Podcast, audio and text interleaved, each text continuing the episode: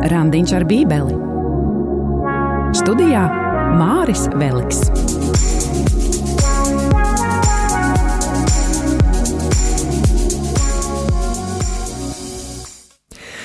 Kā iesākās pasaules visietekmīgākā kalpošana, kas uz visiem laikiem izmainīja cilvēces vēsturi? Kāpēc Jēzus savu publisko darbību uzsāka tieši Galilejā? Ko īsti nozīmē debesu valstība, kā Jēzus centrālā vēsts Mateja evaņģēlijā? Un kā Jēzus debesu valstības darbam pulcē savu sapņu komandu. Par šiem jautājumiem Mateja evaņģēlijas studijās par 4. nodaļu no 12. līdz 25. pantam. Un tā kā Jēzus sludināšanu, kā mēs to lasīsim, pavadīja zīmes un brīnumi, tad raidījuma beigās arī es jūtu iedvesmu lūgt par slimniekiem. Arī, ja tev, dārgo klausītāji, ir kāda vajadzība, tad nu esi laipni lūgts randiņa ar bībeli epizodē visietekmīgākās kalpošanas sākums. Bet eh, pirms mēs ieklausāmies šīs dienas rakstu vietā, nākam Dieva priekšā, lai lūgtu, lai meklētu Viņa klātbūtni šajā raidījumā. Dieva tēva un dēla un svētā gara vārdā Āmen. Tēvs sūti savu svēto garu, lai mēs sajūtam tagad, lai mēs sajūtam tagad, kā Viņš pieskarās mūsu sirdīm un dāvā mums īpašu atvērtību tavam vārdam. Un lasot tavu vārdu, mēs vēlamies vairāk iepazīt tavu dēlu, mūsu kungu Jēzu Kristu. Tēvs mūsu, kas esi debesīs, svētīts lai top tavs vārds, lai atnāk tava valstība, tavs prāts, lai notiek kā debesīs, tā arī virs zemes Mūsu dienascho maizi dod mums šodien, un piedod mums mūsu parādus, kā arī mēs piedodam saviem parādniekiem, un neieved mūsu kārdināšanā, bet atpestī mūs no ļaunā Āmen. Svētais Matei lūdz par mums! Vēlēs labāk iepazīt svētos rakstus, bet nezinu, ar ko sākt? Raidījums Randiņš ar Bībeli ir Tava Bībeles studiju iespēja - dinamiska, mūsdienīga un baznīcai uzticīga. Studē Bībeles grāmatas kopā ar savedēju Māri Vēliku. Šoreiz raidījumā studējam Mateja evaņģēlīja fragment no 4. nodaļas, sākam ar 12. pantu un tad nu līdz pat nodaļas beigām, līdz 25. pantam. Bet Jēzus dzirdēdams, ka Jānis nodots, atgriezās Galilejā Viņš atstāja Nācereti un aizgāja dzīvot Kapernaumā, Jūrmalas pilsētā, Zubulona un Naftala robežās, lai piepildītos praviešu iesaistīts sacītais vārds. Zabulona zeme un Naftala zeme ceļā pie jūras, novadā viņpus Jordānas, pagānu Galileja. Ļaudis, kas sēž tumsībā, redz lielu gaišumu, un tiem, kas sēdēja nāves zemē un ēnā, gaisma uzaususi. No tā laika Jēzus iesāk sludināt un sacīt: Pārmainieties grēkus nožēlojot, jo debesu valstība tūklāt pienākusi. Un staigādams galvenais jūrmalā Jēzus ieraudzīja divus brāļus, Sīmani, sauktu Pēteri un Andreju viņa brāli. Tīklu jūrā izmetam, jo viņi bija zvejnieki, un viņš tiem sacīja: Nāciet man līdzi, es jūs darīšu par cilvēku zvejniekiem. Un tie tūlīt tīklus atstāja un sekoja viņam. Un no turienes tālāk iedams viņš ieraudzīja divus brāļus, Jēkabu, Cebedēju dēlu, un viņa brāli Jāni laivā kopā ar Cebedēju viņu tēvu, savus tīklus lāpām, un viņš tos aicināja, un tie tūlīt atstāja laivu un savu tēvu un sekoja viņam. Un Jēzus pārsteigāja visu Galileju mācīdams viņu sinagogās un sludinādams valstības evaņģēliju un dziedinādams visas slimības un visas sērgas tautā. Un viņa slava izpaudās pa visu Sīriju, un pie viņa atnesa visus neveselos, dažādu sērgu un sāpju pārņemtos, un ļaunagaru apsēstos un mēnesisardzīgus un triekas ķertus, un viņš tos dziedināja, un daudz ļaužu no Galilejas, no Dekapolis, no Jeruzalemes, no Jūdejas un aizjordānas sekoja viņam.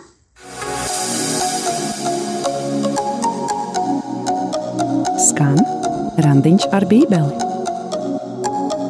Nu pat izskanēja Mateja evaņģēlijā 4. nodaļas fragments no 12. līdz 25. pantam, bet vispirms ķeramies klāt šī teksta fragmentam no 12. līdz 17. pantam, proti Jēzus kalpošanas sākums Galilejā.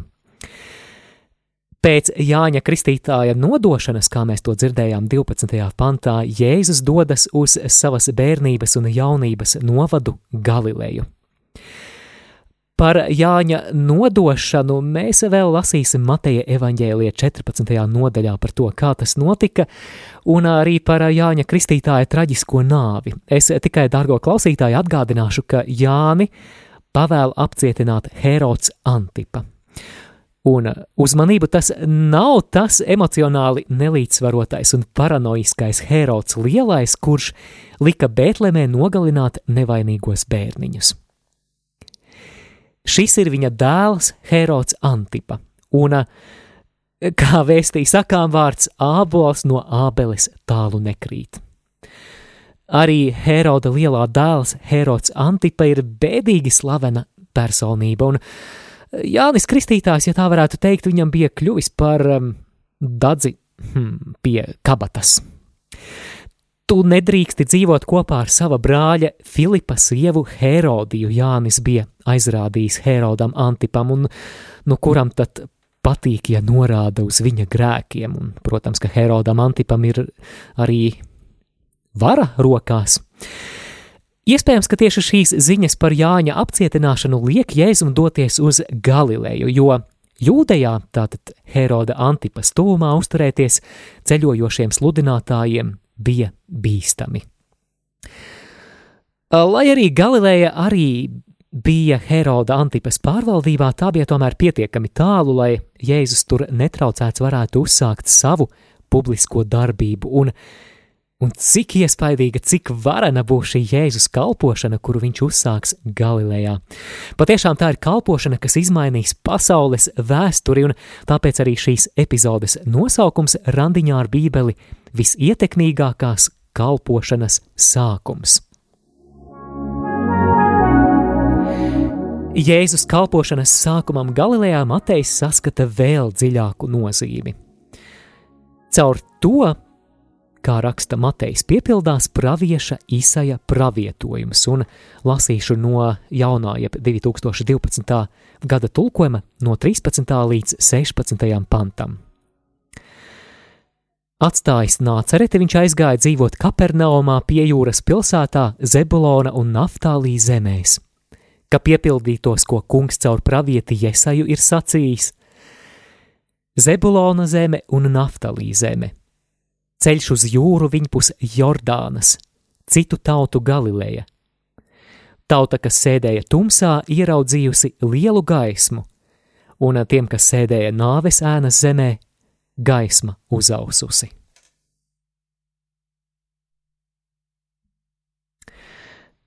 Neliels komentārs par to, ko nu pat dzirdējām.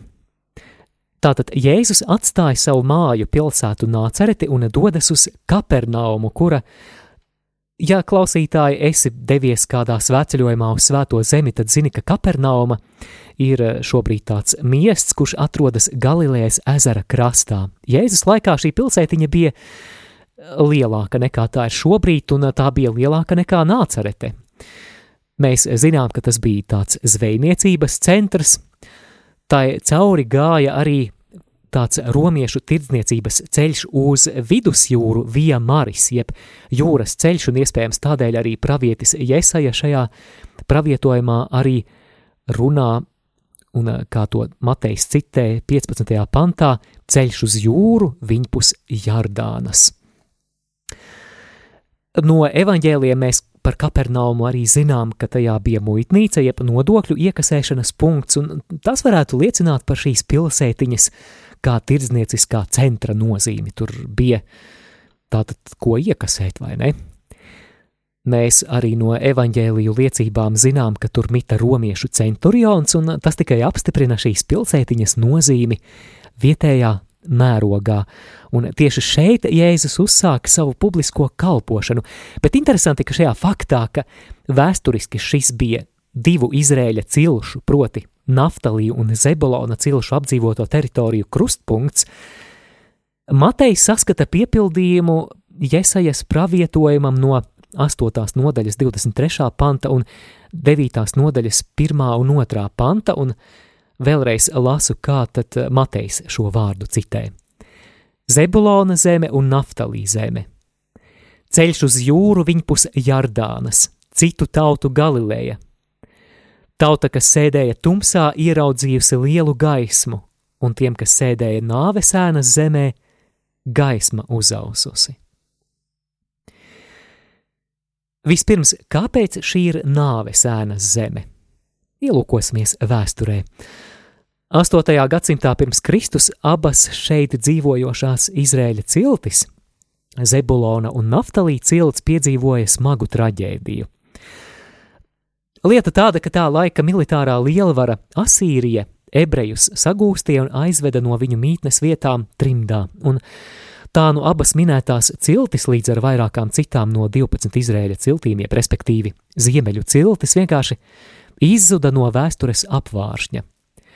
Šobrīd zinātnieki spekulē un diskutē, kur tad šīs ciltis varēja būt palikušas. Interesanti fakti ir arī, ka ir dažas etniskās grupas, kuras saista savu izcelsmi ar kādām no Izrēļa ciltīm, gan Etiopijā, gan arī mēs zinām par kādu etnisku kopienu Indijā, kas uzskata, ka ir cēlusies no kādas no pazudušajām ziemeļu Izrēļa ciltīm, bet eh, pagaidām mēs tikai tādā spekulāciju līmenī par to varam runāt. Šobrīd tas varbūt nav tik nozīmīgi. Skaidrs, ka šīs ciltis vienkārši izzūd no vēstures apvāršņa, un tāpēc te runās par tautu, kas sēdēja tumsā Tāpēc te runāts par nāves ēnas zemi. Atcaucoties uz šo traģēdiju, kas notiek 8. gadsimtā pirms Kristus. Un Iesaja tālāk raksta, tauta, kas sēdēja tumsā, ieraudzījusi lielu gaismu, un tiem, kas sēdēja nāves ēnas zemē, gaisma uzaususi. Tātad šīs skumjās traģēdijas mākto zemi piemeklē arī kaut kas priecīgs un cerību nesošs gaisma ir uzaususi, un Matejs šajā gaismā saskata tieši Jēzus kalpošanas sākumu Galilejā. Jēzus ir tas, kurš uzsākot šajā bēdīgo vēstures lapušu iezīmētajā teritorijā savu kalpošanu uzsākot ienes gaismu, un vēl viena nianse šajā iesajas pravietojumā – Galileja šeit ir nosaukta par citu tautu, jeb pagānu Galileju. Arī šim faktam ir dziļāka nozīme, jo vēsturiski pēc Izraēļa cilšu izvešanas šīs teritorijas sāka apdzīvot citautieši. Mēs zinām arī, ka Jēzus dzīves laikā šī teritorija, jeb Galilē, šis novads bija visai multietnisks novads. Piemēram, tādas lielas Galilejas pilsētas kā Tibērija Galilejas ezera krastā un Seforisa bija hellēniskas, jeb grieķiski runājošas pilsētas. Tas, ka Jēzus savu sludināšanu un kalpošanu uzsāk šajā multietniskajā, jeb pravieša Jesaja vārdiem runājot, pagānu Galilejā mums atgādina par Dieva glābšanas projektu caur Jēzu ne tikai Izrēļa tautai, bet visām pasaules tautām. Atcerēsimies Jēzus lielo pavēli, ko mēs vēl lasīsim Mateja evaņģēlija 28. jeb pēdējā nodaļā - iet un darīt par mācekļiem visas tautas.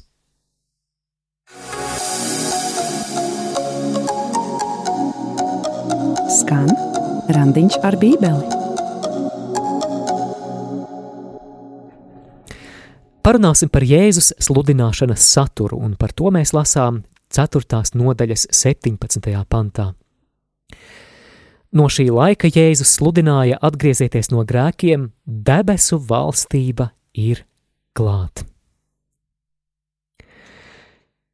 Šis 17. pants sākas ar vārdiem no šā laika, un tā ir būtiska frāze Mateja evaņģēlijā, jo tā parasti šajā evaņģēlijā norāda uz kādu svarīgu pagrieziena punktu. Te sākas kaut kas jauns. Šeit sākas visietekmīgākā kalpošana pasaulē - Jēzus publiskā darbība. Vēlāk šī frāze no šī laika norādīs uz citu svarīgu pavērsienu Jēzus dzīvē, proti, uz Jēzus ceļu pretī Jeruzalemē, kur viņš atdos savu dzīvību par visas pasaules grēkiem, bet par to mēs vēl lasīsim 16. nodaļā. Atcerēsimies, ka arī Jānis Kristītājs, kā Jēzus priekštecis, sludināja to pašu. Mēs Mateja evaņģēlija 3. nodaļā, 2. pantā dzirdējām šos Jāņa Kristītāja vārdus par Dieva valstību, debesu valstību, kas ir tuvu klāt pienākusi un par aicinājumu atgriezties no grēkiem. Un šo stafeti mēs redzam, ka tagad pārņem Jēzus. Ir vērts uzkavēties šeit pie jēdziena debesu valstība. Jo biblisti atzīst, ka jēdziens debesu valstība ir Mateja evaņģēlija centrālais, pats pats pats svarīgākais jēdziens. Interesanti, ka visā evaņģēlijā debesu valstība ir minēta vairāk nekā 30 reizes. Ko tad nozīmē šī debesu valstība? Runa šeit ir par aktīvu dieva valdīšanu. Tātad pirmkārt nevis par vietu, kur mājo dievs un eņģeļi, bet par aktīvu dieva valdīšanu. Varētu pārfrāzēt, dievs pārņem kontroli. Vai dievs nostiprina savu varu, jeb dieva valstība sāk manifestēties, atklāties, un tas notiek caur Jēzu Kristu. To, kā mēs tālāk šodienas fragmentā lasīsim, apliecina zīmes un brīnumi, kas Jēzus sludināšanu pavada. Atcerēsimies arī par Dāvida karaļa valsti vecajā derībā, lai gan tā bija tikai politiska vienība, tā kaut kādā ziņā bija kā debesu valstības priekštēls. Ir nācis Dāvidam apsolītais pēctecis ķēniņš Mesija, Protams, ka mēs runājam par Jēzu, caur kura valdīšanu, un šoreiz ne politisku, bet garīgu valdīšanu šī apsolītā dieva vara pasaulē sāk pieņemt apgriezienus. Lūk, tā mēs varētu interpretēt šo debesu valstības jēdzienu. Parunāsim par šīs debesu valstības trim dimensijām Mateja evaņģēlijā.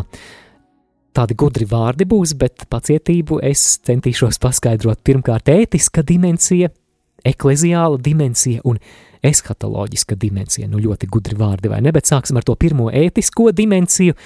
Proti, valstības atnākšana ir saistīta ar nepieciešamību mainīt savu dzīvesveidu. Tāpēc arī šis uzaicinājums no Jēzus lūpām atgriezieties no grēkiem. Matejs šeit lieto vārdu metanoeite, jeb mainiet domāšanu, mainiet virzienu, kā mūsu latviskajā tulkojumā, jeb respektīvi 2012. gada tulkojumā, tas ir tulkots ar vārdu atgriezieties. Jau nākamajā nedēļā, dargo klausītāji, mēs šajā raidījumā sāksim studēt Jēzus Kalnas prediķes, jau ar nepacietību gaidu to brīdi, Un mēs redzēsim šajā kalnas prediķa piemērā, kāds tad ir šīs valstības ētikas standarts, tātad ētiskā dimensija. Otrā debesu valstības dimensija ir ekleziālā dimensija. Nu jā, ļoti gudrs vārds, bet iemācīsimies ekleziāls no grieķu valodas eklēzija, latviskot varētu kā baznīcisks. Ekleziāls ir baznīcisks. Proti, debesu valstība šajā pasaulē izpaužās caur un arī ieņem redzamu teju vai taustāmu veidolu caur eklēziju, caur baznīcu. Un par to mēs lasīsim Mateja 16. un 18. nodaļā. Trešā debesu valstības dimensija ir eskatoloģiskā dimensija, jeb eh, laiku beigu dimensija. Eh, lai arī Jēzus pasludina, ka debesu valstība ir klāta, tas, protams, šeit vēl nenozīmē tās pilnbriedu. Jo, piemēram, valstības līdzībās Mateja evaņģēlija 13. nodaļā Jēzus salīdzinās debesu valstību gan ar augu, kas liek uzrūkt mīklai, protams, ka šis process ir pakāpenisks, ir kaut kāda augšana. Jēzus debesu valstību arī salīdzinās ar sinepju sēkliņu, no kuras izaug sinepju koks. Tātad te ir runa par debesu valstības izplatīšanās procesu, kurš jau ir iesācies, bet savu pilnīgo piepildījumu piedzīvos tikai laiku beigās, un par to mēs arī varēsim lasīt Jāņa atklāsmes grāmatā. Tad no debesu valstība ir klāta caur Jēzus publisko darbību, caur viņa kalpošanu un sludināšanu, un šajā valstības kalpošanā, kā mēs tūlīt to dzirdēsim, Jēzus pulcina komandu. Viņš aicina pirmos mācekļus. Par to mēs lasīsim nākamajā sadaļā no 18. līdz 22. pantam, bet vispirms ļaušu pārdomāt nu pat dzirdēto un mazliet muzikāli atpūsties.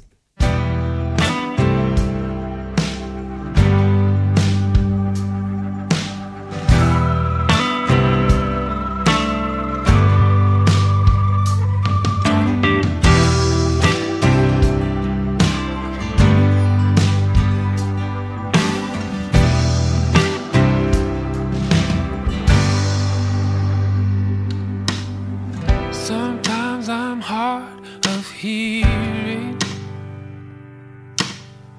Always spinning my wheels and staying busy. But I still my soul and listen. And I hear the way that you sing. You'll be singing that sweet, sweet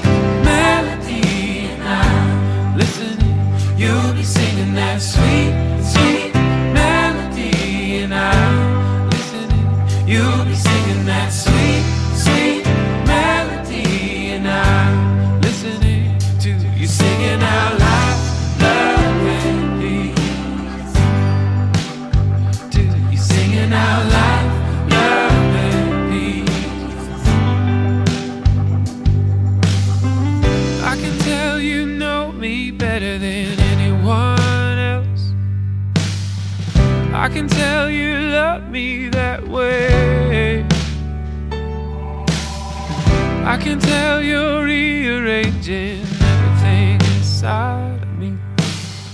I can tell you love me that way. You'll be singing that sweet, sweet melody, and I'm listening. You'll be singing that sweet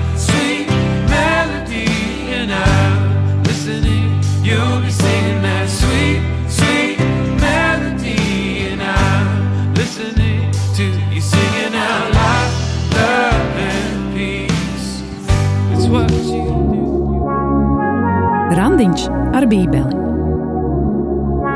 Savedējs Māris Veliks.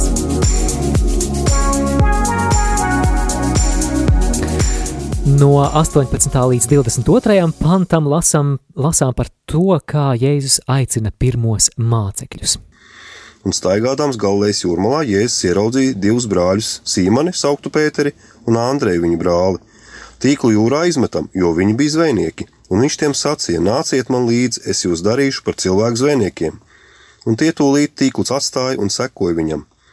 Un no turienes tālāk iedams viņš ieraudzīja divus brāļus, Jēkabu, Cebedēju dēlu, un viņa brāli Jāni laivā kopā ar Cebedēju, viņu tēvu, savus tīklus lāpām, un viņš tos aicināja, un tie tūlīt atstāja laivu un savu tēvu un sekoja viņam.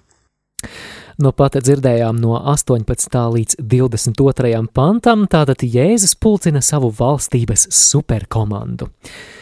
Viņš aicina zvejniekus brāļus Pēteri un Andreju, kā arī viņu kolēģus brāļus Jēkabu un Jāni Zebedeja dēlus. Šeit mūs var iedvesmot šo zvejnieku gatavība tūlīt atstāt visu, lai sekotu Jēzum. Jo šī sekošana patiešām ļoti burtiski nozīmēs sekošanu dienām un, dienām un naktīm kopā ar Jēzu, būšanu ceļā prom no savām mājām, prom no tīkliem, laivām un no savām profesijām. Tātad tā nav tikai kaut kāda intelektuāla piekrišana Jēzum. Lai gan par to zvejnieka profesiju runājot, ja pamanīt, tad Jēzus šo brāļu arodu izmanto kā metaforu tam, kāda būs viņu jaunā kalpošana. Ja līdz šim viņi ir zvejojuši zivis, tad tagad metaforiski viņi zvejos cilvēkus. Par to mēs lasījām 19. pantā, nolasīšu vēlreiz. Viņš tiem sacīja: Nāciet, sekojiet man, es jūs darīšu par cilvēku zvejniekiem. Mums varētu šķist, ka tā vienkārši pirmās tikšanās laikā Jēzus kā svešinieks viņus aicina, un viņa aicinājums ir tik neatvairāms, ka visi brāļi piekrīt atstāt visu un sekot, jo Mateja evaņģēlijā aprakstā par šo notikumu mums nav nekādu norāžu par to, ka šie zvejnieki iespējams Jēzu pazī, būtu pazinuši pirms tam. Tomēr, dārgo klausītāji, es šo fragmentu vēlētos harmonizēt arī ar liecībām citos evaņģēlijos, lai tādējādi argumentētu, ka pamatā Pētera, Andreja, Jākaba un Jāņa radikālajam solim patiesībā ir spēcīga iepriekšēja pieredze ar Jēzu. Kad viņi atbild Jēzus aicinājumam, viņi zina, ar ko viņiem būs darīšana. Pirmkārt, Jāņa evanģēlija pirmajā nodaļā, tātad par Jāņa evanģēliju tagad runāju, mēs lasām, ka daži no šiem zvejniekiem ir bijuši Jāņa Kristītāja mācekļi un atceramies, ka Jānis Kristītājs norāda viņiem uz Jēzu kā uz dieva jēru, kas nes pasaules grēkus. Vēlāk, kad šie mācekļi jautā Jēzum, kur viņš dzīvo, Jēzus atbild: nāciet un redziet. Tātad viņi jau ir iepazinuši Jēzu pirms tam. Savukārt, Lūkas evanģēlija piektajā nodaļā mēs lasām par apstuļa Pētera pārdabisko zivju lomu. Visu nakti Pēteris cenšas, bet paliek tukšā. Pēc Jēzus uzaicinājuma pretēji jebkādai pieredzē, pretēji jebkādai loģikai, Pēteris tomēr vēlreiz nolemi riskēt un izmest tīklus, un, jā, notiek brīnums. Zivju ir tik daudz, ka tīkli sāk plīst. Var pieņemt, ka šis brīnums iespējams notika brīdī pirms šodienas fragmentā Jēzus uzrunā brāļus un aicina sekot. Tātad Viņa atbild Jēzum jau kā Jēzus darbu acu liecinieki. Vēlēs labāk iepazīt svētos rakstus, bet nezini, ar ko sākt? Raidījums Randiņš ar Bībeli ir tava Bībeles studiju iespēja. Dinamiska, mūsdienīga un baznīcai uzticīga. Studē Bībeles grāmatas kopā ar savedēju Māri Vēliku. Tālāk lasīsim no 23. līdz 25. pantam, dzirdēsim, kā Jēzus māca un dziedina. Un Jēzus pārsteigāja visu Galileju mācīdams viņu sinagogās un sludinādams valstības evaņģēliju un dziedinādams visas slimības un visas sērgas tautā. Un viņa slava izpaudās pa visu Sīriju, un pie viņa atnesa visus neveselos, dažādu sērgu un sāpju pārņemtos, un ļaunagaru apsēstos un mēnessardzīgus, un triekas ķertus, un viņš tos dziedināja un daudz ļaužu no Galilejas, no Dekapoles, no Jeruzalemes, no Jūdejas un aizjordānas sekoja viņam. Nu, visietekmīgākā kalpošana pasaulē ir sākusies. Jēzus māca sinagogās, mēs lasījām. Sinagogas kā jūdu lūkšanas un sapulcēšanās vietas veidojās Babilonas trimdes laikā un arī pēc tam kā sava veida Jeruzalemes tempļa aizstājējas. Kad pēc Babilonas trimdas Jeruzalemes templis tika atjaunots, atjaunojās arī tautas svētceļojumi uz templi trīs reizes gadā, lai piedalītos tempļa upurēšanas liturģijā, bet pārējā laikā jūdi pulcējās uz lūkšanām sabata vakarā tieši sinagogās. Galu galā, ja tu nedzīvoji Jeruzalemē, tad templis kā galvenā svētvieta bija tālu. Arī ceļojošus sludinātājus, jeb mācītājus mēdza uzaicināt sludināt vietējās sinagogās, un tad no sinagogās Jēzus kā ceļojošs sludinātājs arī darbojas. Ko viņš sludina? Mēs lasījām, ka viņš sludina valstības evaņģēliju. Par to lasām 23. pantā. Vēlreiz. Jēzus pārsteigāja visu Galileju mācīdams viņu sinagogās un sludinādams valstības evaņģēliju un dziedinādams visus slimos un vārgos. Mēs jau runājām, kas ir debesu valstība, bet kas ir evaņģēlijs? No sengrieķu vārda evangelion, jeb labā vēsts – labā vēsts, un ar šo vārdu sāk apzīmēt vēlāk arī Jēzus un vēlāk mācekļu sludinātās vēsts saturu. Dzirdējām arī šajā fragmentā, ka evaņģēlijas sludināšanu pavada zīmes un brīnumi, kas liecina, ka Dieva valstība patiešām klāt pienākusi. Vēlreiz lasīsim no 23. panta otrās puses līdz 24. pantam. Dziedinātams visus slimos un vārgos, runas par viņu izplatījās pa visu Sīriju. Pie viņa nesa visus neveselos, dažādu slimību un ciešanu mocītos, dēmonu apsēstos mēnesērdzīgos un paralītiķus, un viņš tos dziedināja.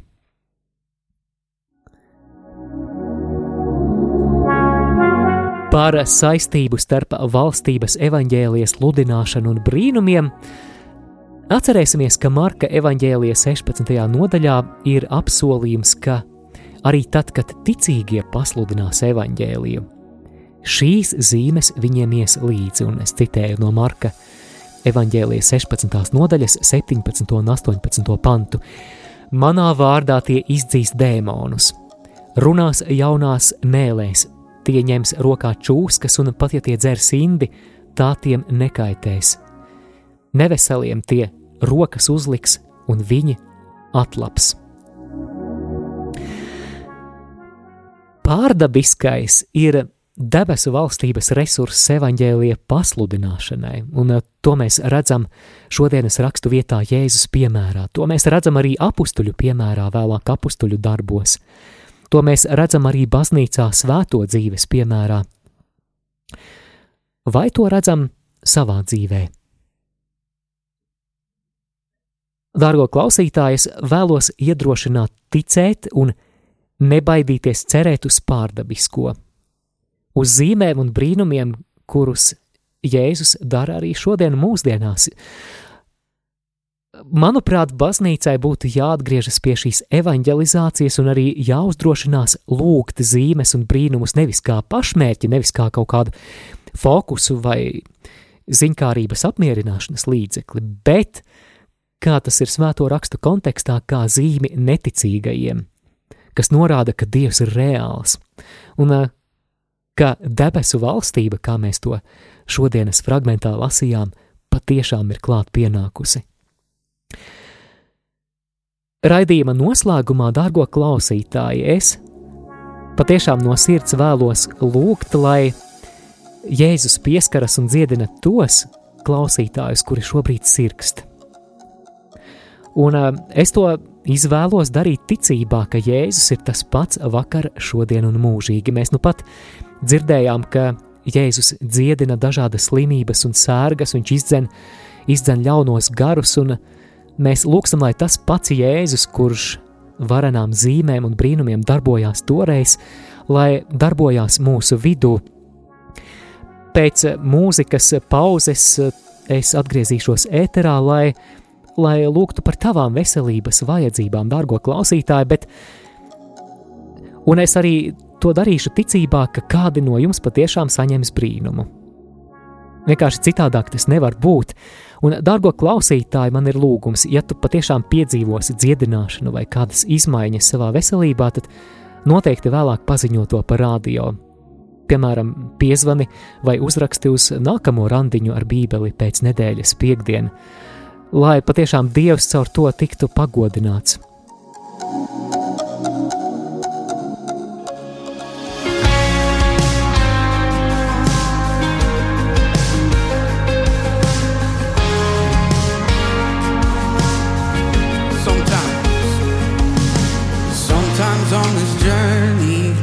Get lost in my mistakes.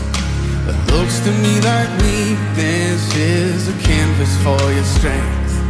And my story isn't over, my story's just begun. And failure won't define me, cause that's what my father does. Come on, say failure won't define me, cause that's what my father does.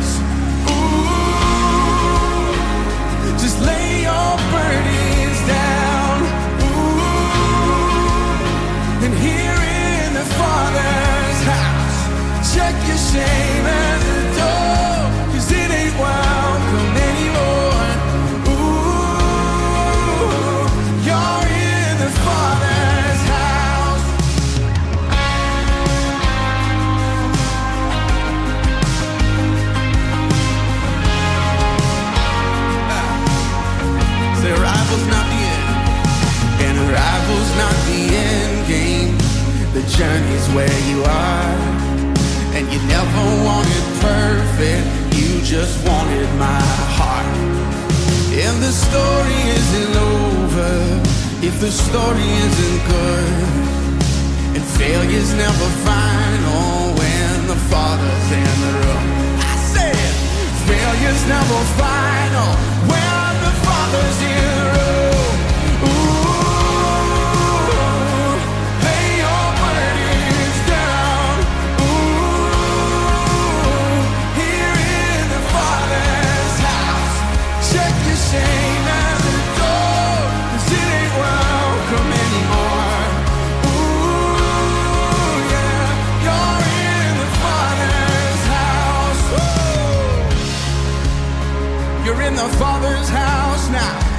You're right here in His arms, right here in His love. Sing this with me, prodigals. Prodigals come home, yeah. The helpless find hope. Cause love is on the move when the Father's in prison doors.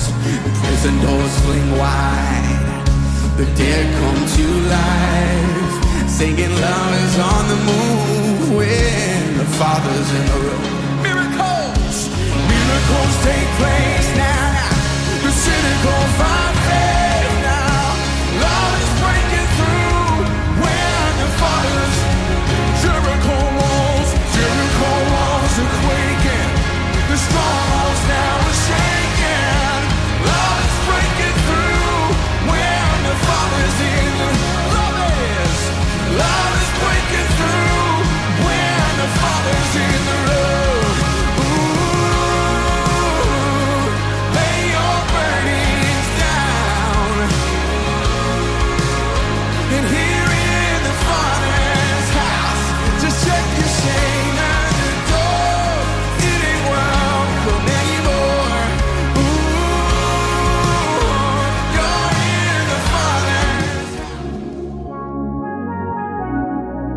dzirdētais attiecas uz manu dzīvi?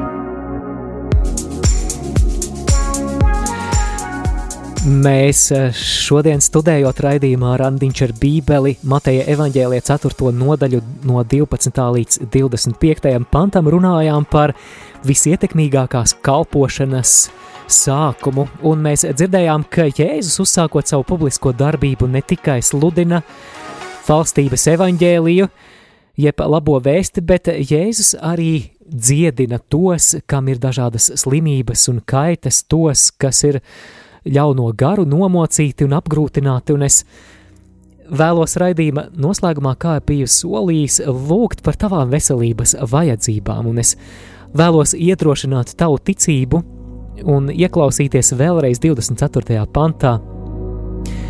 Pie viņa nesa visus neveselos, dažādu slimību un ciešanu mocītos, dēmonu apsēstos, mēneserdzīgos un paralītiķus, un viņš tos dziedināja. Aicinu šajā brīdī vienoties lūkšanā par visiem radio klausītājiem, kuriem ir kādas veselības problēmas, un esmu izvēlējies litāniju par slimniekiem. Esi gatavs? Dieva tēva un dēla un svētā gara vārdā Āmen. Kirija Leisone, Kriste Eleisone, Kirija Leisone, Kristu klausi mūs, Kristu uzklausi mūs. Dievs Tēvs no debesīm apžēlojies par mums. Dievs Dēls pasaules pestītāji apžēlojies par mums. Dievs Svētais Gars apžēlojies par mums. Svētā Trīsvienība viens vienīgs Dievs apžēlojies par mums. Dievs, kurš esi radījis cilvēku pēc savas līdzības un nesi vēlējies viņu iznīcināt, apžēlojies par mums. Dievs, kurš mūsu pirmvecākiem pēc viņu grēkā krišanas devi cerību, ka nāks pestītājs, apžēlojies par mums. Dievs, kurš liki mūzum izgatavot vara čūsku, lai izrēlieši uz to lūkojoties nenomirtu no čūsku dzēlieniem, apžēlojies par mums. Dievs, kurš esi radījis dažādas zāles un augus mūsu slimību ārstēšanai, apžēlojies par mums. Dievs, kurš žēlsirdīgi uzlūkoja karali Ezehielu, Ecehielu, viņa asarās un lūkšanās un pagarināja viņa mūžu. Apžēlojies par mums! Dievs, kurš daudzējādi piemeklēto ījabu, beigās brīnišķīgi atalgoja, apžēlojies par mums! Dievs, kurš pieļāva, ka, diev, ka dievbijīgais Tobijas zaudē redzi, bet vēlāk ļāva viņam redzēt, apžēlojies par mums! Dievs, kurš caur ciešanām mūs attīri kā zeltu kausējamā krāsnī, apžēlojies par mums.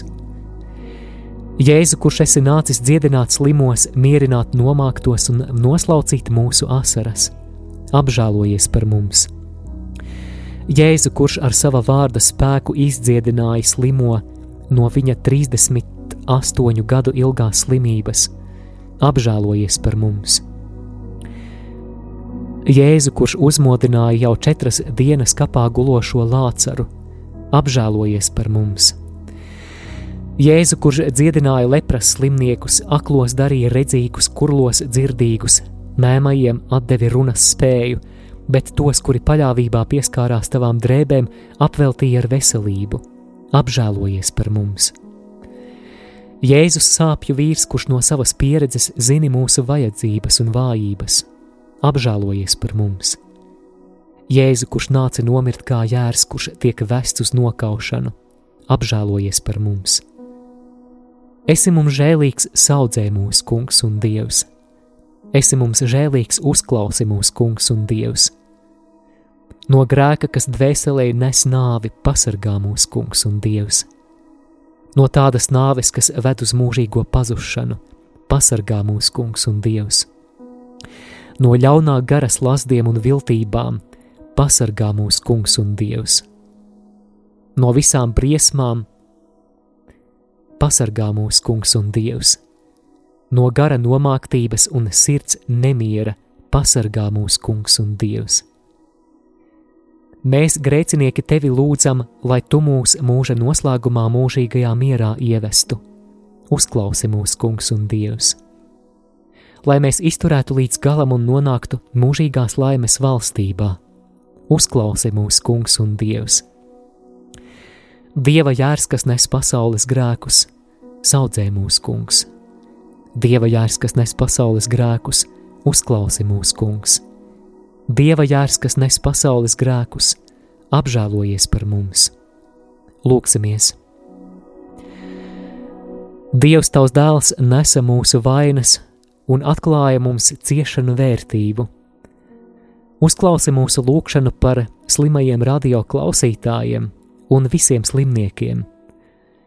Dari, lai viņi atceras, ka pieder pie tiem, kuriem evaņģēlijas apsola mierinājumu, un justos vienoti ar Kristu, kurš cieš par pasaules pestīšanu. To mēs lūdzam caur Jēzu Kristu mūsu kungu. Āmen!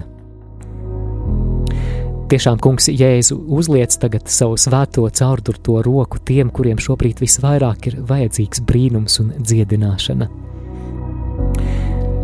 Jēzus Kristus nācarieša vārdā un tajā autoritātē, kas man dota kā dieva bērnam kristības sakramentā, es apsaucu jebkādu slimību, uzņemos pār to autoritāti un pavēlu slimībai atstāt tavu ķermeni vai tavu garu.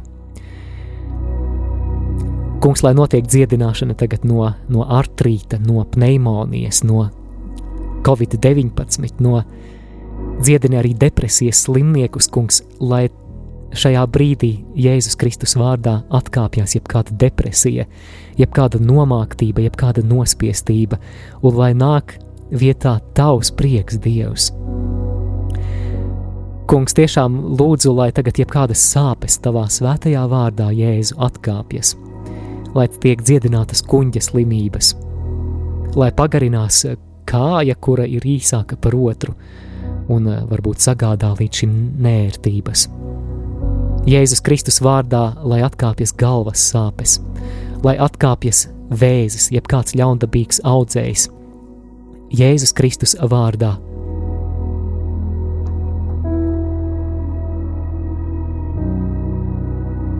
Slāva tev, kungs! Mēs tev pateicamies par to, ko šajā brīdī tu dari klausītāju dzīvēs un ko tu darīsi arī turpmākajās dienās.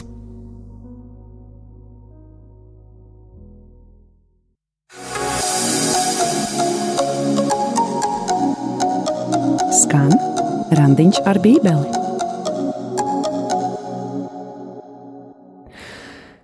Patiesībā izskanēja randiņš ar bībeli, studijā biju es Māris Veliks, un ja tev būs kāda liecība par dziedināšanu, ja Dievs būs pieskāries, ja tu juti viņa darbību, varbūt jutīsi to turpmākajās dienās, tad noteikti paziņo to radio, paziņo to nākamajā raidījumā randiņš ar bībeli, lai Dievs caur to tiktu pagodināts un lai pārējo klausītāju ticība tiktu iedrošināta.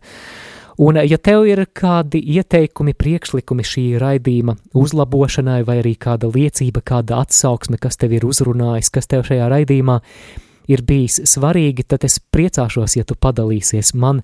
Tavas atsauksmes ir svarīgas šī raidījuma labākai veidošanai, un tādēļ jebkurā laikā varat rakstīt e-pastu uz adresi randiņš ar bībeli at gmail.com randiņš ar bībeli at gmail.com. Droši ielaikojiet arī raidījuma kontu, jeb lapu Instagramā, vai šobrīd studijā es patiešām lielu dieva klātbūtni jūtu, kungs, turpini dziedināt tagad un pieskaries tiešām klausītājiem, kuri šobrīd gaida brīnumu. Paldies tev, nāc, kungs! Jā, un, dārgo klausītāji, arī ja klausies šo raidījuma arhīvā un ja šis raidījums tev ir par svētību, tad droši padalies tālāk un ļauj pieaugt šo Bībeles studētāju kopienai, un tādējādi tu man palīdzēsi arī šajā misijā izglītot par Bībeli un veicināt Bībeles lasīšanas kultūru, jo, kā es to parasti mēdzu teikt, Raidījums randiņš ar bībeli neaizstāja privāto randiņu ar bībeli, gluži kā uztura bagātinātāji neaizstāja pilnvērtīgu un sabalansētu uzturu. Paldies un esi svētīts!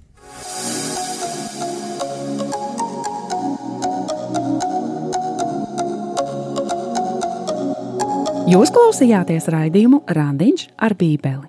Savas atsauksmes, ieteikumus un jautājumus sūtiet uz e-pastu Randiņš ar Bībeli at gmail.com. Iepriekšējās raidījuma epizodes aicinām meklēt arhīvā.